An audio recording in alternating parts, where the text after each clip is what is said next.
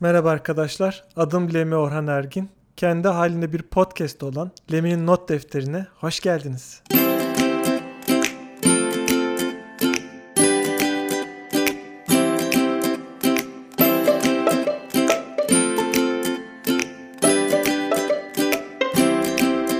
Merhaba arkadaşlar. Lemi'nin Not Defteri podcastine uzun bir aradan sonra hoş geldiniz. E, uzun bir aradan sonra diyorum çünkü son çektiğim podcast'ten bu yana tam 10 ay geçmiş. 10 ay e, uzun bir süre. E, bu süre içerisinde birçok etkinlikte birçok arkadaşla konuşma fırsatım oldu. E, ve bana ne zaman yeni podcast çekeceksiniz dediler. Aslında bu benim için çok e, büyük bir motivasyon oldu. Çünkü ben ilk podcastlerimi sadece bir MVP olsun diye bir hani yapayım acaba yapabiliyor muyum? Acaba insanlar benim dediklerimi e, merak ediyor mu? Anlatacaklarım insanlar için değerli mi? E, sorularına cevap aramak içindi. Ama fark ediyorum ki e, bu son e, arkadaşlarımla da birçok kişiyle konuştuktan sonra insanlar e, değer vermişler e, ve ben de bundan sonra e, daha düzenli, e, daha sık podcast çekmeye gayret edeceğim.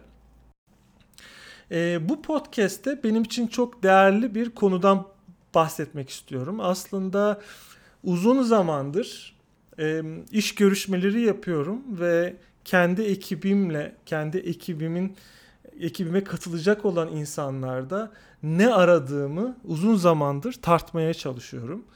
Ee, ilk baş ilk baktığımız şeyin egosuzluk olduğunu dan artık eminim. Ee, ekibimizi oluştururken e, karşı tarafta ekibimize katılacak olan kişilerin egosuz olmasına, onlarla rahat çalışabilecek kişiler olmasına özen gösteriyoruz. Ee, egosuzluk tabiri e, çok bulanık bir tabir. Her ne kadar egoist e, ve bencil kavramları çok rahat anlaşılır olsa da bir iş görüşmesi sırasında bunu fark edebilmek kolay değil. Bununla alakalı e, dikkatlice sorular sormak, bu konuya özel sorular sormak ve karşı tarafın tepkisini dikkatli bir şekilde ölçümlemek gerekiyor. Ben bu podcast'te size egosuz programlama, egosuz yazılımcı ne demek? Egosuzluk tam anlamıyla ne ifade ediyor e, bir e, yazılım ekosisteminde? E, biraz bunlardan bahsetmek istiyorum. Bu podcast'i dinledikten sonra sizler de umut ediyorum ki hem ekibinizde hem ekibinize yeni katılacak insanlarda hem de kendinizde ego kavramını daha farklı bir gözle irdeleyebilir. Hem de kendinizi bir sonraki adımı hazırlarken bu kavramları aklınızın bir ucunda tutabilirsiniz. Şimdi egosuz programlama kavramını açıklamadan önce bir kere ego ne demek bunu açıklamak gerekiyor. Ego dediğimiz şey e, Sigmund Freud'un geliştirdiği kişilik kuramının içerisinde doğrudan geçer ve ego eşittir ben diye de kısaca ifade edilebilir. Ego dediğimiz şey aslında ben kavramıdır. Yani yaşamak için gerekli olan şey neyse odur. Bendir ve güçlü bir karakter, güçlü bir bene sahip olmak zorundadır. Çevrenizde güçlü bir karaktere sahip olduğuna inandığınız ve düşündüğünüz insanlara bir bakın. Evet. Baktığınızda görürsünüz ki ben kavramına e, na, hakkat e, layıkıyla e, altını doldurabilen insanlardır. E, ben kavramını açıklarken egoda, e, ego ile e, Sigmund Freud iki kavramı daha açıklar. Bunlardan biri id, biri de süperegodur. İlginç değil mi? Bu iki kavramı iki, bu üç kavram hep beraber kişiliğin altını doldurur der Sigmund Freud. Şimdi id kavramı İd ya id, id diye yazılıyor. İd alt bilinç demektir. İd içimizdeki doyumsuz hayvandır aslında. Yani herhangi bir ahlak, bir kural tanımayan, yalnızca ihtiyaçlarını karşılamaya odaklı, düşünmeyen, güdüsel, o anki tatmin duygusundan başka bir şey görmeyen hayvani tarafımızdır. İşte ne bileyim açlık, susuzluk, kin, cinsellik, saldırganlık gibi dürtüsel, içsel dürtülerimizdir. E, bunun idi e, çevremizde e, id, insanların üzerindeki etkisini anlayabilmek için sadece ben diye konuşan insanlarla ya da böyle davranan insanlardan fark edebilirsiniz. It, bilinç, alt bilinciniz sadece ben der aslında. Bir de süper ego vardır. Süper ego üst benlik diyebiliriz. Üst benlik doğru ile yanlışı ayırt etmemizi sağlayan katmandır aslında. Yani üst benlikte öne çıkan duygu mesela vicdandır. Ahlak tanır ve bu yüzden sürekli bir baskı halinin ta kendisidir. Yani sizi dürtülerinizi sınırlar, çevresel faktörlerden etkilenir e, ve sizi iyi ile doğruyu ayırt edebilmenizi sağlamaya çalışır. Her sadece ben dediğinizde yaşadığınız pişmanlık aslında üst benliğinizden gelmiştir. Bebeklerde mesela üst benlik duygusu yoktur. Çünkü henüz gelişmemiştir. Daha çok dürtüsel davranırlar. Sonra yavaş yavaş büyürüz. Büyürken yaşadığımız olaylar, ailemiz, eğitimimiz, insanlarla yaşadığımız bütün o deneyimler sonucunda süper ego bir üst benliğimiz gelişir. Bu unsurlar anne babanın eğitimi, eğitim sisteminden gelen aktarımlar, dini ve inançsal inançlarımız, daha dini inançlarımız, ina, e, toplumsal faktörler gibi faktörler bizim üst benliğimizin çerçevesini çizerler. Şimdi ego ise bu id ve süper ego arasında yani alt bilinç ve üst benlik arasında yer alan bir kavramdır, bir, bir katmandır. E, dürtüsel isteklerimiz ile iyi ve doğru olan seçenekler arasında ayırt edip yapabi ayrım yapabilmemizi sağlayan bir araçtır ego. Yani bu açıdan bakıldığı zaman egosuz insan yoktur. Yalnızca düşük ya da yüksek egolu insan vardır. Bu nedenle Türkçe'de ego kelimesi yanlış kullanılmaktadır. Aslına bakarsanız ben yanlış kullandığımın farkında değildim ama bu konuyu biraz daha merak ederek araştırdığımda egosuzluk kelimesi yanlış kullanılan bir kelime.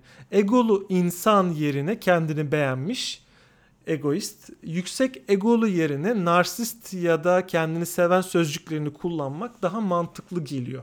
Şimdi egoist kavramını şöyle kısaca açıklayabilirim. Egoist bencillik olarak e, sözlüklerde çevriliyor. E, bir insan ne kadar bencil ise o kadar egoisttir. Yani biz egoist dediğimiz zaman kendi ben kavramını doğrudan e, ileri seviyeye taşıyan ve kendinden başka bir şey düşünmeyen bir insan olarak e, kavramlandırabiliriz. Şimdi e, ego dediğimiz şey e, alt bilince yaklaştığında yani idimize yaklaştığında egomuz yavaş yavaş yükseliyor aslında. Yani e, ego e, egolu oluyoruz. Egolu insan bencil insan oluyoruz.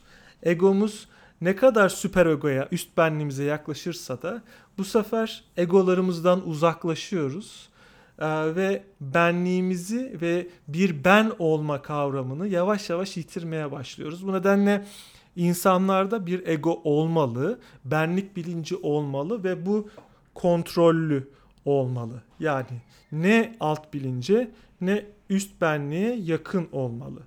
Ee, bu üç kavram birbiriyle doğrudan ilişkili.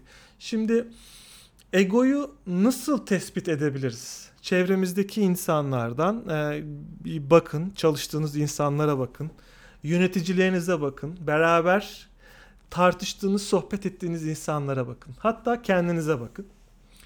Sürekli ben ile başlayan cümleler kuruyorlarsa muhtemelen yüksek egolu insanlardır. Yani sürekli ben istiyorum, ben yapıyorum, ben iyiyim, ben şöyle düşünüyorum derler. Sohbetlerde sürekli ben kelimesini kullanarak kendilerinden bahsederler ve e, çoğunlukla da sohbetler sırasında ilginç bir şekilde her şeyin doğrusunu ben bilirim şeklinde davranırlar. Onlar her şeyi bilirler. Daha doğrusu öyle olduklarını zannederler. Her konuda da fikirleri vardır. Aklınıza gelen herhangi bir konuda sohbet açın. Mutlaka o konuda fikirleri vardır ve muhtemelen de doğru olduğuna dair de sıkı bir inançları vardır. Kibirlidirler, üstünlük görürler. Yani kendileri fikirsel olarak, eğitim olarak üstündürler ve diğerleri aslında e, orada olmayı hak etmiyorlardır ama kendileri orada olmayı hak ediyorlardır. Hatta kendileri daha iyi yerlere layıktırlar. Başkaları herkes, tüm dünya, tüm arkadaşları, tüm çevresi, tüm yöneticileri sahte sahte davranırlarken, e, orada olmamaları gerekirken kendileri maalesef buraya hapis olmuşlardır ve daha iyiye, çok daha iyiye, en iyiye layık olan sadece kendileridir. Bir, birilerini küçümseyerek kendilerini büyütmeye çalışırlar.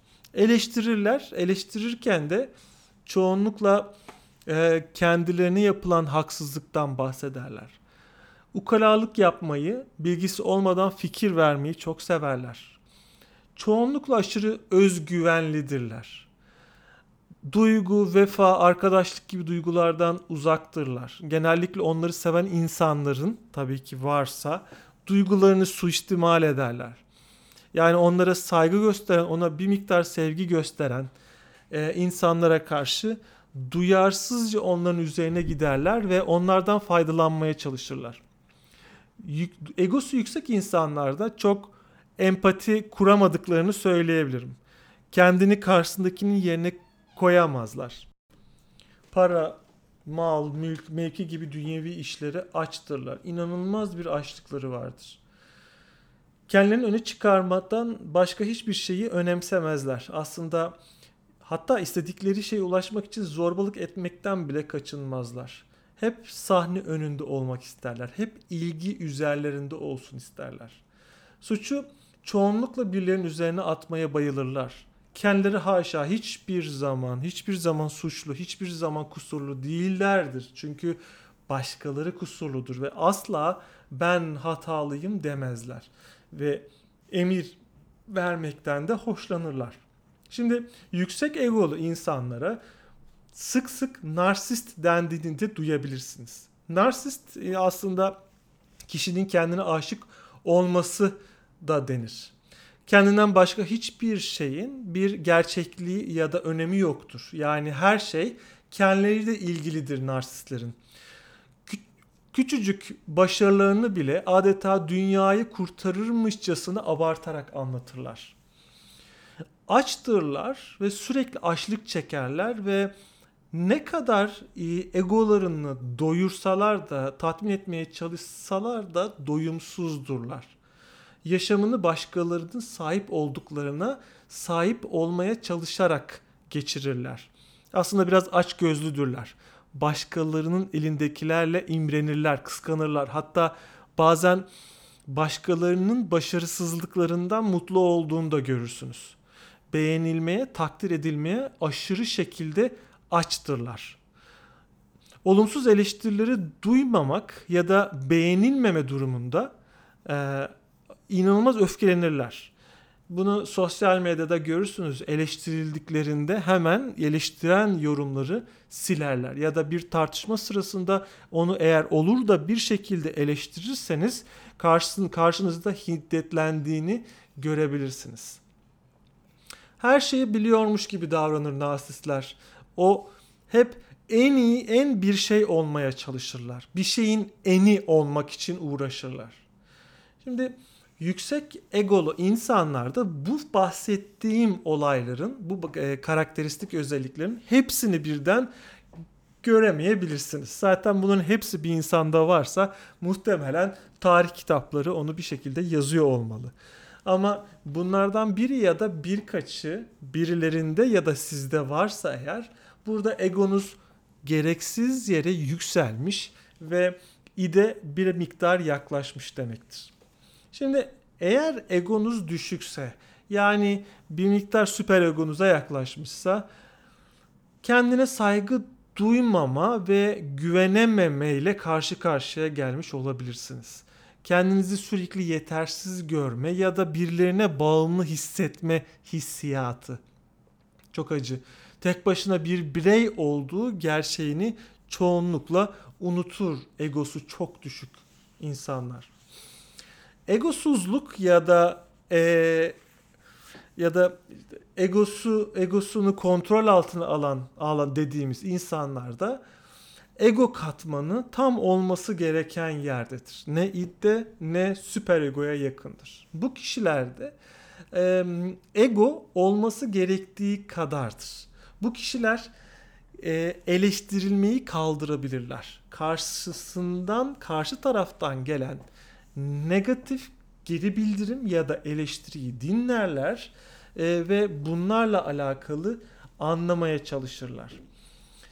Ego bunlar e, e, egosuz olarak tabir ettiğimiz kişilerde e, ego aslında vardır ve bu ego daha çok başarma hedefli, başarma odaklı egodur kişiler kendilerini daha özgür hissederler, e, hissederler egosuz oldukları zaman ve daha mutludurlar. Çünkü mutsuz olmak için sizi mutsuz eden sürekli bir açlık hissetmezler. İlginçtir ki egosuz insanlar çok iyi iletişimcidirler. Bunlara facilitators of dialogue tabirini de kullanırlar. Yani diyaloğu, tartışmayı, karşılıklı iletişimi fasilite çok rahatlıkla ederler ve bu kişiler e, eğer ki bir tartışmaya, bir muhabbete, bir diyaloğa girdiklerinde kendileri o diyaloğu beslerler. O diyalog içerisinde e, iten, sürükleyen, insanları e, kavramdan kavrama tartışmaya iten kişiler değillerdir. Bir, bir bakıma e, diyalog içerisinde kaybolurlar ve diyaloğun en ortasında bulunmazlar. Yani bütün ilgiyi kendi üstlerine çekmek istemezler. İşte arkadaş arasında ya da ekip arkadaşlarınız arasındaki tartışmalarda ilgiyi sürekli üzerine çekmeye çalışan insanları fark edeceksiniz. İşte o kişilerde ego bir miktar yükselmiş demektir. Egosuz insanlarda aslında sürekli bir öğrenme hali fark edersiniz. Çünkü kendi hatalarından ve başkalarının hatalarından öğrenebilecek kadar egolarını kontrol altına almışlardır. Çünkü egosu yüksek insanlarda başkalarının hatalarından öğrenmek ne kelime? Kendi hatalarından dahi en ufak bir şey öğrenemezler. Her zaman başkalarını suçlarlar. Şimdi ego egosuzluk kavramı yazılımda da programlamada da sıklıkla karşımıza çıkıyor. Özellikle yazılım bireysel bir spor değil, bireysel yapılmaz. Çoğunlukla eğer istisnalar haricinde yazılım bir takım sporudur. Bir ekibiniz vardır ve o ekiple beraber iletişim kurmak zorundasınızdır. Sözel ya da ya da e, yazarak e, uzaktan remote çalışıyor da olsanız, yan yana oturuyor da olsanız mutlaka iletişim kurmak zorunda olacaksınız ve bu iletişim sırasında e, karşı, karşınızdakiyle sağlıklı bir e, diyalog geçirebilmeniz için egolarınızı masanın üzerine bırakmanız gerekecek. Şimdi programlamada ego birçok şekilde karşınıza gelebiliyor. Bunlardan ilki pair programming yani eşli ikili programlama yaptığınız zaman. Çoğu e, pair programming yapan e, arkadaşımın ben pair programming benim hoşuma gitmiyor. Eşli programlamalar hoşlanmıyorum. Ben bunu yapmak istemiyorum dediğine şahit şahit oldum. Hatta e, bir senelik mezun bir arkadaşım var daha yeni mezun. E, Pay Programming bana göre değil demişti. Ben de ona e, ne kadar lık bir kariyerim var ki programlamada pay programming bana göre değil diyorsun dedim. Oysa ki orada onun geçmişte yaşadığı deneyimler ona bu hissiyatı uyandırıyor. İnsanların bir kısmı pay programming ya eşi programlama olabildiğince kaçarlar. Çünkü yanlış yapmaktan ve bu yanlışları nedeniyle eleştirilmekten korkarlar. Bu haklı bir neden e, olabilir. Çünkü insanlar ege, eğer egoları yüksekse eleştirilmek insanları çok ama çok rahatsız eder. O nedenle egonun düşmesi insanların rahat bir şekilde hata yapabilmelerini de sağlar. Çünkü yazılım dediğimiz şey hatalarla dolu olacak ve çok sık hata yapacağız. Hem de çok basit hatalar yapacağız. E, bu hatalar nedeniyle eleştirileceğiz. E, bu eleştirilerden e, eleştirileri sağlıkla karşılayabilmek için bir miktar egosuz olmak gerekiyor. Eğer solo çalışıyorsanız yani bireysel tek başına takılarak çalışıyorsanız ilginç bir durumda ilginç bir durumdur ki yaptığınız hatalardan çok farkına varmazsınız. Yani bir, bir bug yaparsanız e, bir, o bug'ı fark etmezseniz hatta bir yanlış yazım vardır orada kelimeyi yanlış yazmışsınızdır bir typo vardı onu fark etmezsiniz. İlginç bir şekilde solo çalıştığınızda bireysel çalış tek başına çalıştığınızda sizin egonuz bir şekilde sanki işler tıkırında ilerliyormuş gibi bir illüzyon yaratır. Oysa ki eşli programlamaya başladığınızda yanınızdaki kişi sizin yaptığınız her tür çer çöpü, oluşturduğunuz her tür teknik borcu, o atladığınız yazmayı bıraktığınız testi, o o yakalamayı unuttuğunuz exception'ı fark edecek ve sizi sizin yaptığınız o basit hataları sizin yüzünüze vuracaktır. Ama eğer egosuz olursanız eğer, eğer egonuzu kontrol altına alırsanız bütün bu yaptığınız yanlışlardan büyük kazanımlar kaydedebilirsiniz. Bir başka e, pratik egoların çatıştığı bir başka pratik kod review'lar yani kod inceleme seansları. Kod review seans kod review bir continuous integration CI/CD pipeline içerisinde çok önemli bir yeri olan bir pratik ve kod review'da insanlar birbirlerinin kodunu okuyorlar ve kodu anlamaya çalışıyorlar ve ve onu eleştiriyorlar. Daha doğrusu kritiğini yapıyorlar. Daha doğrusu onun daha iyi olabilmesi için geri bildirimler veriyorlar. Eğer ki e, verdiğiniz verilen geri bildirimler kişisel olarak algılarsanız o zaman e, egonuzun altında ezilir ve sinirlenirsiniz. Eğer ki egonuz yüksekse verdiğiniz e, kritiklerde, yaptığınız geri bildirimde, kod review'larda karşınızdakini ezmeye çalışırsınız. Çoğunlukla ben senden bu konuda daha iyi biliyorum hissiyatını bütün takım tarafından hissedilmesini sağlamaya çalışırsınız. Yani e, bu kod olmamış, bu kodu şöyle yaparsanız, bu yaptığınız her olumlu olduğunu düşündüğünüz her tür geri bildirim aslında karşı taraf tarafından karşı taraftan iğneleyici birer mesaj olarak algılanacaktır. E, egoları düşürdüğünüzde bu sefer daha nazik olmaya başlıyorsunuz ve karşı tarafı kendinize empati kurarak onun daha his anlayabileceği, daha yumuşak sözlerle karşı tarafa fikirlerinizi hissettirmeye çalışıyorsunuz. Şimdi çok ilginç bir kitap var. Jerry Weinberg'in The Psychology of Computer Programming kitabı bilgisayar programlamanın psikolojisi. Basım tarihi 1971.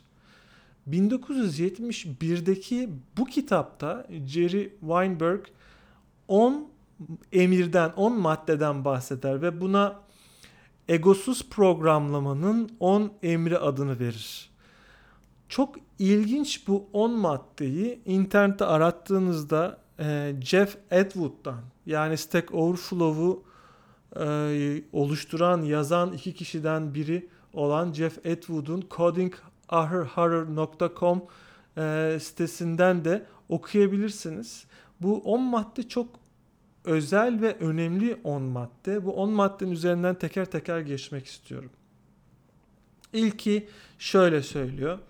Yaptığınız hataları anlamalısınız ve kabul etmelisiniz. Hepimiz hata yapabiliriz. Yaptığımız hatalar bir şekilde ortaya çıkarsa bu illa bug olmak zorunda değil. Çok basit tasarımsal hatalar yapabiliriz. Kullandığımız bir teknolojiyi yanlış kullanmış olabiliriz. Çok saçma yapılmaması gereken, kullanılmaması gereken bir kod yazmış olabiliriz.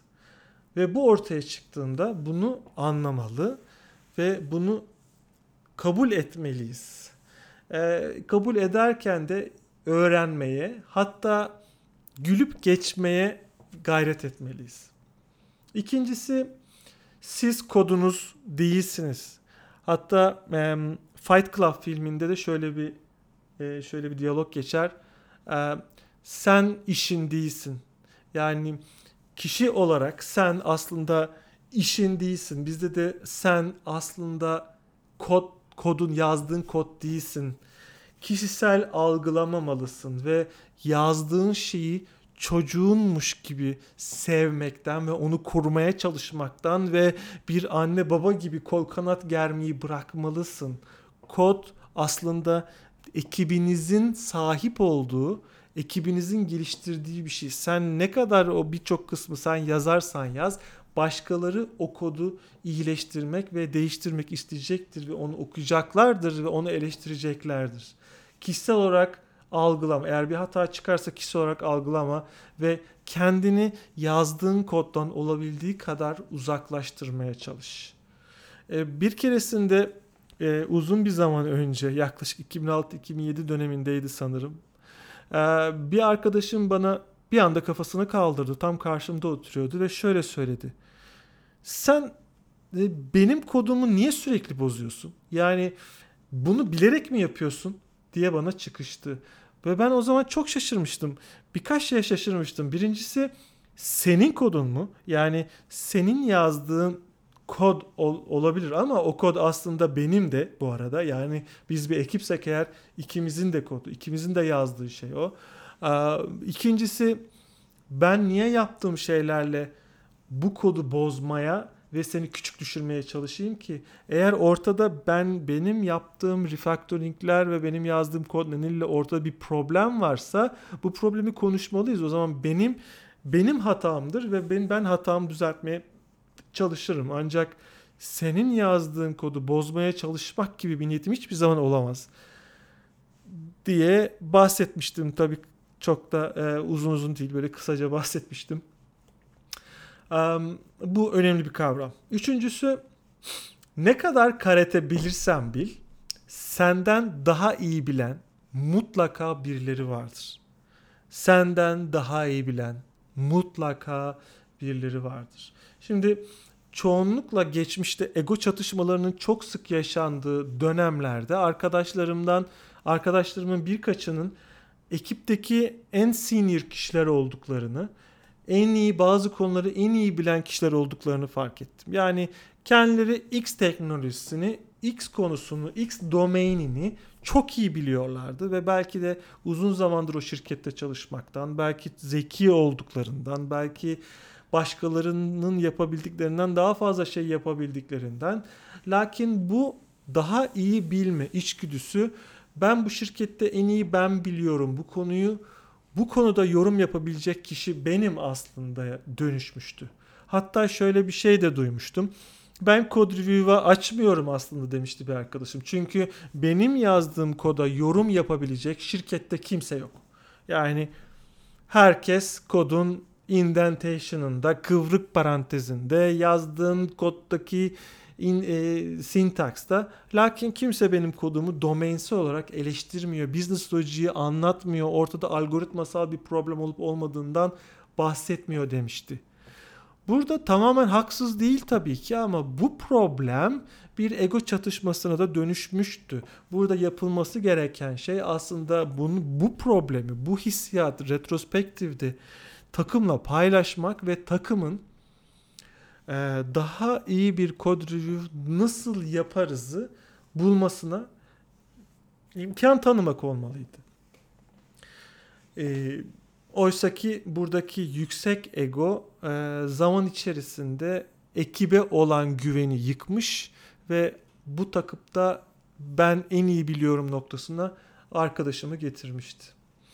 Bir başkası um, Destek almadan kodu baştan yazma. Danışmadan birilerine kodu baştan yazmaya karar verme. Şimdi çok ilginç bir noktadır.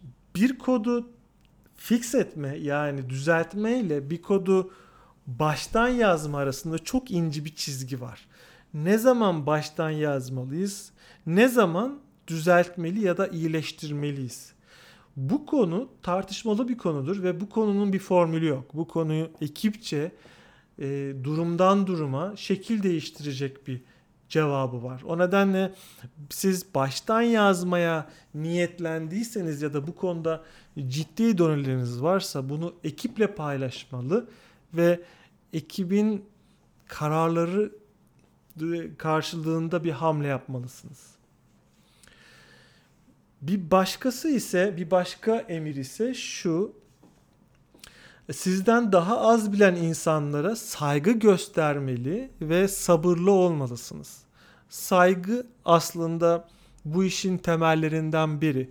Sizden daha az bilen insanlarla, belli konuları daha az bilen insanlarla çalışacaksınız. Bütün kariyeriniz boyunca elbette ki en takımdaki en az bilen kişi siz olmayacaksınız. Bazı konularda ekibin en iyi bilen kişi siz olacaksınız elbette ki ve ekipteki diğer kişiler o konularda sizden çok daha az bilecekler. Ama eğer ki e, egosuz davranmaya niyetiniz varsa, eğer ki ekipçe sağlıklı bir ilişki sürdürmeye niyetiniz varsa o zaman sizden daha az bilen kişilerle sabırlı olmalısınız ve onlara saygı göstermelisiniz. Çoğunlukla şöyle bir stereotip vardır. Yani e, işini e, iyi yaz, yazılımcılar yazılımı çok da fazla bilmeyen yazılımı uzak insanlar tarafından ikiye ayrılırlar. Bir tanesi hani primadonna yani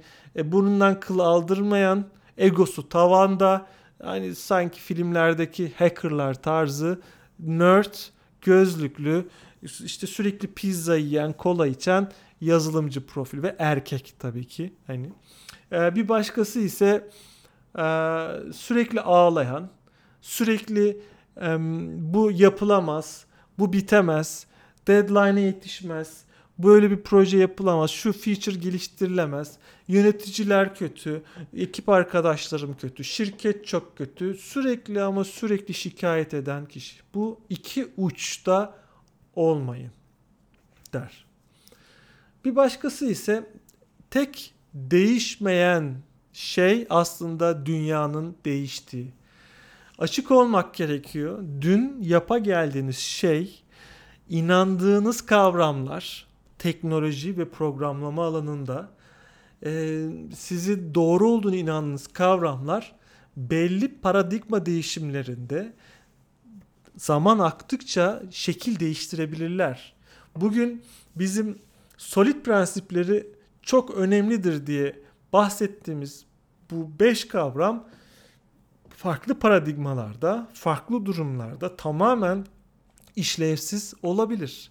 Bunları ve ve kullandığınız teknolojiler yepyeni şartlarda tamamen işlevsiz ve e, gereksiz kalabilir. Hazırlıklı olmak gerekir, açık olmak gerekir ve bu e, değişimi gülümseyerek karşılamak gerekir. Bir başkası ise aslında tek ekip içerisinde tek otorite vardır. Kişilerin pozisyonu değil, bilgisi. Evet bu çok ince ve zor bir konu. Eğer ki egosuzluğun e, hakim olduğu bir ortam oluşmasını istiyorsanız bilgiye dayalı bir e, sistem oluşturmalısınız ve bilgiyi insanlar için pozisyondan, title'dan çok daha fazla değerli hale getirmelisiniz. Aslında arkadaşlar title kelimesi, titre kelimesi geçmişken e, fikrimi daha söylemek isterim. E, programlamada, yazılım dünyasında eğer ki domain bazlı bir e, özelleşmiş e, bir pozisyonunuz yoksa yani e, data scientist, e, system engineer e, gibi, software developer gibi, database admin gibi aslında özelleşmiş e, bir e, rolünüz yoksa geri kalan bu uzmanlaşma seviyeleri junior, medium, senior, principle, expert vesaire kavramları tamamen sanaldır ve tamamen kişilerin egosunu yükselten, ekip içerisindeki dayanışmayı bölen kavramlardır. Title'lardan uzak durun arkadaşlar. Bu kavram bizim için o kadar önemli, o kadar önemli ki Hakan Erdoğan, Sabri ve Onur, Sabri Onur Tüzün'le beraber Crowdbase'i kurduğumuzda şöyle bir karar aldık. Daha kuruluş aşamasında bu ekip içerisinde özellikle hani seniority level dedikleri uzmanlaşma seviyesi hiçbir zaman kullanılmayacak. Kimseye senior denmeyecek. Kimseye junior denmeyecek. Tek bir rol vardır yazılımcılar arasında o da developer'dır. Biz kendimize software crafter diyoruz. Yani yazılımı bir meslek, bir çıraklıktan ustalığa gidilen bir ustalaşma yolculuğu olarak algılayan birer zanaatkar olarak görüyoruz ve biz kendimizi öyle isimlendiriyoruz. Lakin tüm dünyada olduğu gibi Türkiye'de de title'lar yazılımın ve programlamanın önemli bir parçası.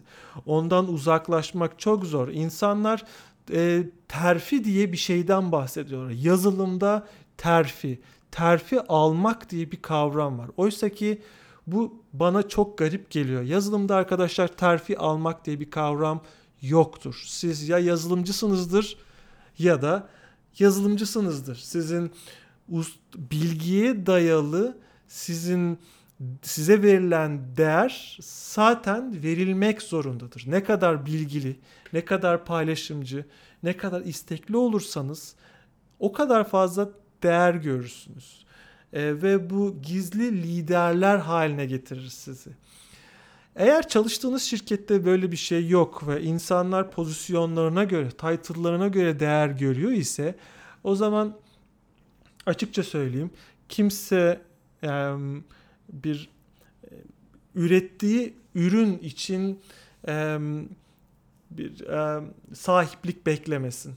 Yani bugün accountability dediğimiz e, insanların elini taşın altına koyma e, olarak da adlandırılan e, bu sahiplik duygusunu e, takımdan bekleyemezsiniz. Çünkü e, ben e, mid level bir yazılımcıyken e, tabii ki senior developer tabii ki daha fazla sahiplik gösterecek e, diye hissedebilirsiniz.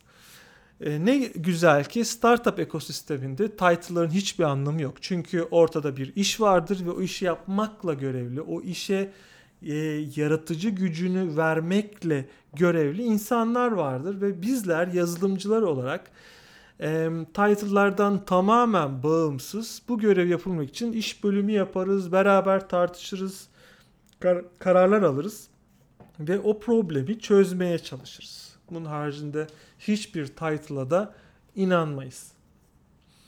Bir başka emir yani bu Egosus programlamanın 10 emrindeki um, 7. emir um, fikirle inandıkları inandığımız şeyler için savaşırız ama yenilgiyi de keyifle e, kabul ederiz. Yani inandığımız bazı kavramlar olabilir, inandığımız çözüm yolları olabilir ve bunu bunun için savaşırız. Yani örnekler veririz, karşımızdakini ikna etmeye çalışırız. İkna etmek de bunun doğrusu bu diyerek olmaz. Bunun doğrusu bu demeden önce sizin için neyin doğru olduğunu örneklerle anlatmanız gerekir ve karşı tarafı ikna etmeniz gerekir. İkna edebilmek için de eğer ki sizin bir fikriniz varsa bu fikri satmanız gerekir. O nedenle ikna yöntemleriyle satış yöntemleri birbiriyle çok paraleldir. Aslında siz ikili diyaloglarınız sırasında fikirlerinizi karşınızdakine satarsınız ve bütün satış pratikleri, bütün e, fikirlerinizi karşı tarafa ikna et, etmeniz için gerekli olan tüm pratikler e, birbiriyle örtüşürler. Bir başkası ise e, buna Jerry Weinberg e, don't be the guy in the room der. Yani odadaki adam olma. Ben ise don't be the guy in the corner diyorum. Köşedeki adam olma. Şimdi Şöyle bir örneğim var. Ee, 2010 senesiydi sanırım. Ben e, uzun zamandır e, profesyonel olarak yazılım geliştiriyordum ve ilk kez birisi benden danışmanlık vermemi istemişti. Çok heyecanlanmıştım. Kartal'da bir şirketti ve Kartal'daki şirketi ziyaret ettim. Benim için ilk deneyim çok heyecanlıyım. Ekiple tanıştırdılar. El, elimi salladım. Merhaba arkadaşlar. Onlar da bana el salladılar falan. Dediler ki bu, bu ekibimiz işte 6 kişiden oluşuyor. Ee, hepsiyle teker teker tanıştım. Ee, dediler ki daha sonra ekip bu kadar değil. Bir de odanın köşesinde birini daha gösterler. Dediler ki işte bir kişi daha var. O da ekibin bir parçası. Adama baktım. Tek başına çalışıyor. Neredeyse ekiple arasında 10-15 metre var. Yani odanın büyük bir odanın en ucunda oturuyor. Tek başına çalışıyor. Kulaklık takıyor. Sırtı ekibe dönük. Masası dağınık. Tam hani Jurassic Park filminde e, dinozor embriyolarını çalan kötü bir yazılımcı vardı hatırlar mısınız? E, masası çok pisti vesaire. Biraz onu onu andırmıştı ilk gördüğümde. E, dedim neden böyle? Dedi ki çok iletişim yetenekleri iyi değil. Yani ekiple arası biraz gergin. Ekiple beraber oturmak istemiyor. Onlarla çok fazla bölündüğünü söylüyor. Onlarla beraber vakit geçirmek istemiyor. Ben de dedim ki o zaman bunu bu gruba ekip demeyelim lütfen. Çünkü ekip dediğiniz kişiler beraber otururlar. Beraber tartışırlar. Ve beraber zaman geçirirler bir şeyi beraber iletişim kurarak e, çözerler. E, bu olsa olsa bir grup insan olur. O nedenle buna ekip demeyelim demiştim. E, hakikaten Jerry Weinberg de aynı şeyi söylüyor. E, böyle bir insan olmayın. Ekibin içerisinde olun. Ekiple ekiple iletişim kuran bir insan olun. Son olarak da egosuz programlamanın 10 emri olarak da um, insanlardan sizin kodunuza kritikler, eleştiriler gelebilir. Um, bunları büyük bir saygıyla karşılayın ve sizler de kodu eleştirin. Kodu yazan kişi değil. Bu çok önemli. Özellikle ikili pair programming'de olsun, code review'de olsun hatta tartışmalarda kod üzerindeki tartışmalarda olsun kodu eleştirmek önemli. E, kişiden bağımsız olarak. Kişiyi eleştirmemeli, kişiye odaklanmamalı. Tamamen standartlara, speklere, performansa, kodun daha verimli, daha uygun, daha düzgün, daha temiz nasıl yazılıp yazılmadığına odaklanmalı. Yoksa kişiye verilen mesajlar doğrudan sizin egonuzun çok da e, sağlıklı olmadığı anlamına anlamına geliyor. Şimdi bu 10 e, kavram e, Jerry Weinberg'in e, egosuz programlamanın 10 emri kavram e, listesindeki 10 madde. Bu 10 maddeyi e, bu 10 maddeyi e, ilk okuduğumda çok heyecanlanmıştım. Çünkü bu kavramlara inandığınızda, bu önerileri takip ettiğinizde aslında ekibiniz içerisinde de e, bir egosuzluk üzerine kurulu bir kültür oluşturmaya başlıyorsunuz. Peki sizler egosuz egonuzu nasıl düşürebilirsiniz? Daha doğrusu egonuzu nasıl sağlıklı bir seviyede tutabilirsiniz? Ee, Türkçenin biraz e, Türk Türkçedeki bir egosuz kavramı sanki egodan arınmış olarak algılanıyor. Oysa ki egosuzluk egoyu sağlıklı seviyede tutmak anlamına geliyor. Ee, nasıl egosuz olunur? Bir liste hazırlamaya çalıştım. Kısaca sizle paylaşayım. Ee, ilki ve en önemlisi alçak gönüllü olmak. Ee, hatta bununla alakalı Dijkstra meşhur Exter e, Dijkstra'nın e, The Humble Programmer e, isim başlıklı bir makalesi var. E, uzun yıllar hatta 1950'lerde yazılmış bir makale. O, o uzunca bir makale. O makalede mutlaka okumalısınız. Dijkstra e, meşhur algoritmaların yazarı. E, Hollanda'daki ilk bir nolu yazılımcı. Yazılıma nasıl başladığından bahsediyor.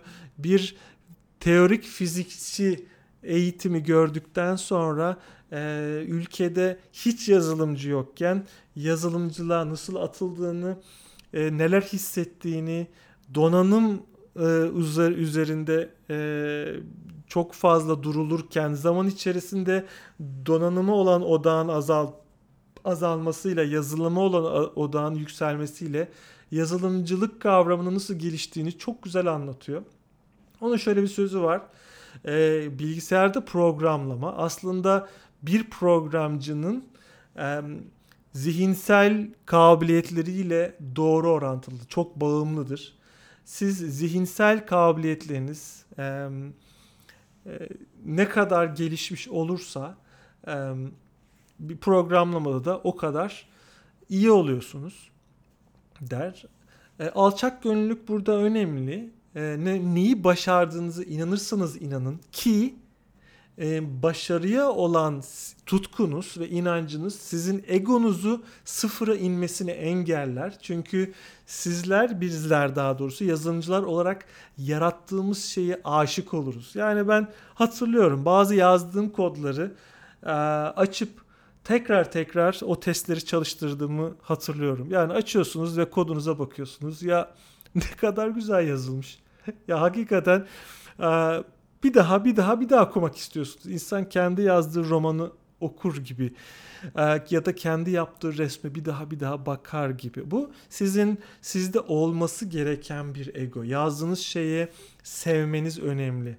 E, lakin neyi başardığınızı inanırsanız inanın alçak gönüllü olmak çok daha kritik. Her zaman karşınızdakine nazik olmalısınız. Nezaket sadece yazılımın değil tabii ki birçok sektörde de hatta ikili ilişkilerde de en olması gereken şey. Lakin bir şekilde tartışmalar sırasında nezaket sınırlarını aşıldığını görüyorsanız hemen müdahale etmelisiniz. Nezaket altın kuraldır arkadaşlar. Nezaketin olmadığı yerlerde ego çatışmaları çok ciddi noktalara gelebilir. Bir fikrin herhangi bir fikrin fanatiği olmayın. Evet ben ben PHP'yi, ben Java'yı, ben C Sharp'ı, ben Python'u çok seviyorum ve bence en iyi dil o. Bu arkadaşlar bu bu dönem bitti. Artık artık hiçbir teknoloji, hiçbir dil en iyisi değil. Çünkü hepsinin yapa geldiği şeyler olduğu gibi hepsinin zayıf kalabildiği şeyler de oluyor. Hiçbir framework diğerinden tamamen kötü ya da iyi değil. Bütün frameworklerin başka frameworklere iyi ya da kötü olduğu yönler var. Hiçbir zaman beyaz ve siyah renk yok. Her zaman gri hakim. Bunu mutlaka dikkat etmemiz gerekiyor. Yazdığımız e, her zaman yeni kodlar yazmıyoruz. Dönem dönem geçmişte yazılan kodlara giriş yapmamız ve onu refaktör etmemiz gerekebiliyor.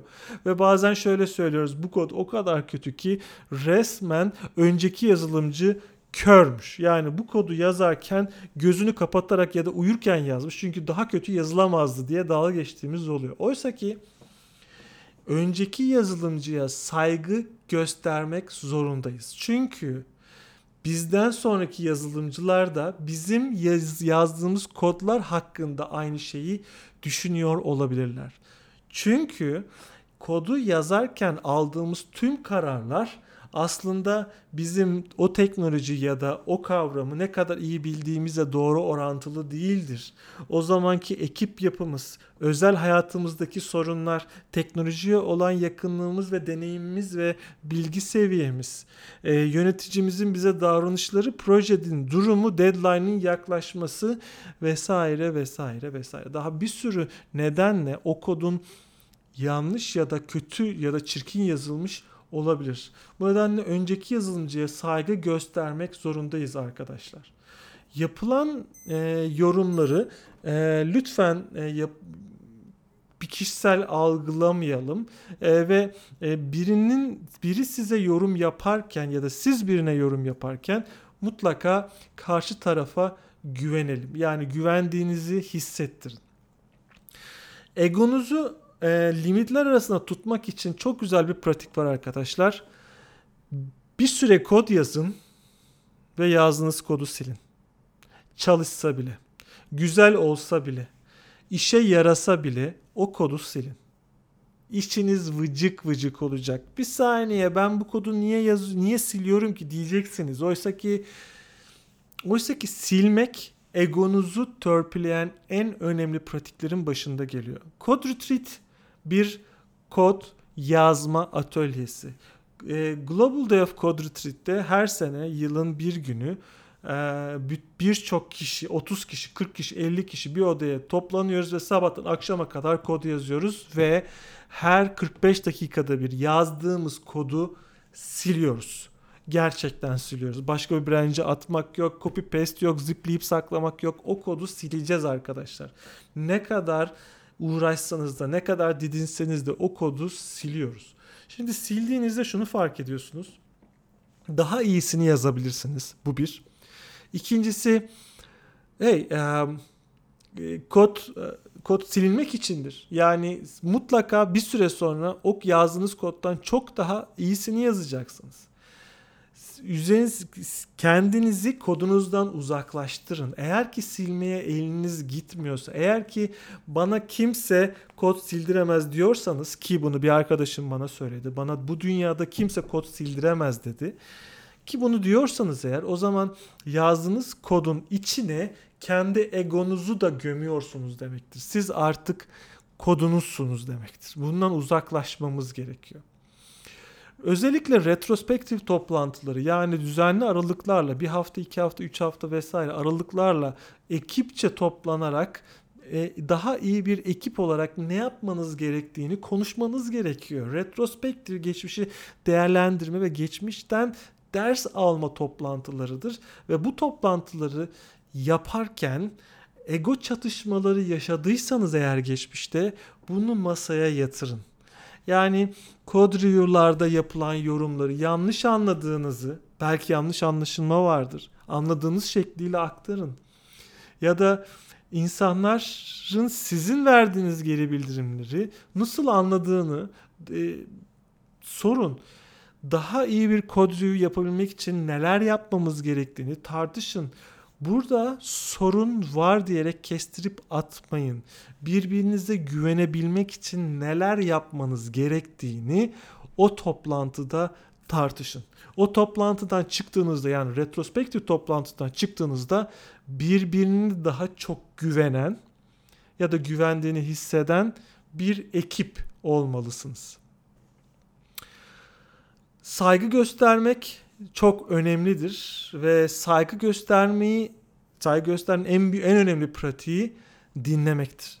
Karşınızdakini dinlemek zorundasınız. Benim tartışmaktan ve konuşmaktan en çok memnun olduğum, mutlu olduğum kişiler ben, ben anlatırken beni dinleyen ve anlattıklarımı challenge eden yani sorgulayan, altını deşen, kendi fikirlerini ortaya koyan ve fikirleri çarpıştıran ve eğer ki kendi fikri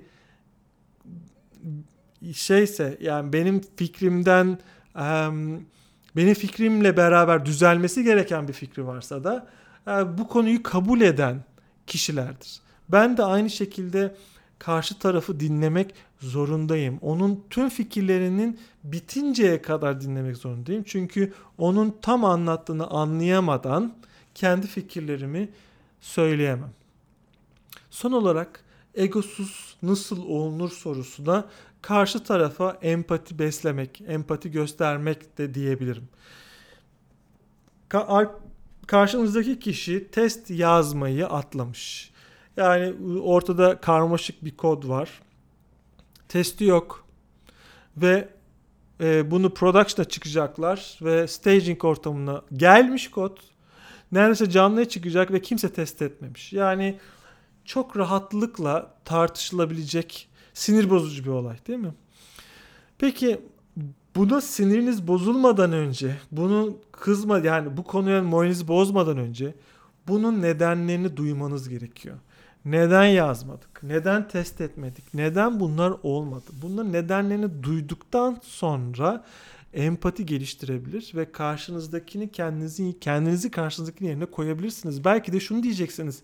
Ben de olsam muhtemelen bu kötü kodu bu bu kötü süreçte bu sistemde bu noktaya ben de getirebilirdim. Benim yazdığım kod da bu halde olabilirdi.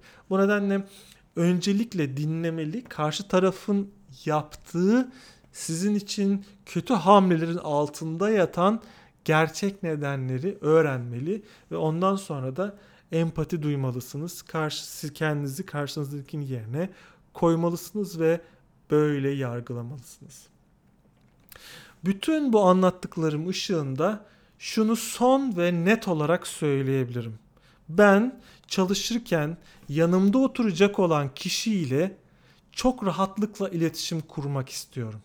Onunla beraber onun bildiği benim bilmediğim, benim bildiğim onun bilmediği yahut ikimizin de bildiği yahut ikimizin de bilmediği konularda fikirlerimizi çarpıştırmak istiyorum. Konuşurken, çarpıştırırken birbirimizi kırmayacağımıza emin olmak istiyorum.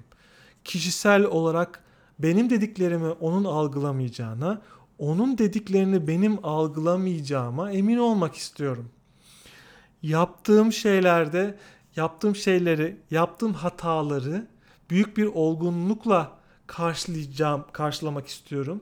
Karşımdakinin de yanımda oturan kişinin de yaptığı hataları büyük olgunlukla karşılamasını istiyorum. Hep ben desin istemiyorum. Yardıma ihtiyacım olacak ve yardıma ihtiyacım olduğu zaman elimi omzuna atabilmek istiyorum ve bana destek severek zoraki değil severek bana destek atmasını istiyorum. Ben de onun her zorlandığı anda ona severek yardım etmek istiyorum. Bütün bunlar egosuz bir ortamın, bir atmosferin ekip içerisinde ve şirket içerisinde olmasını gerektiriyor. Yöneticileriniz çalışanlara, çalışanlar yöneticilere, bütün şirketteki tüm çalışanlar hep birbirlerine egosuzca e, davranmalı. Egolarını bir kenarda kapının dışında bırakmalılar e, ve iletiş rahat ve keyifli bir iletişimle ürünlerini geliştirmeliler.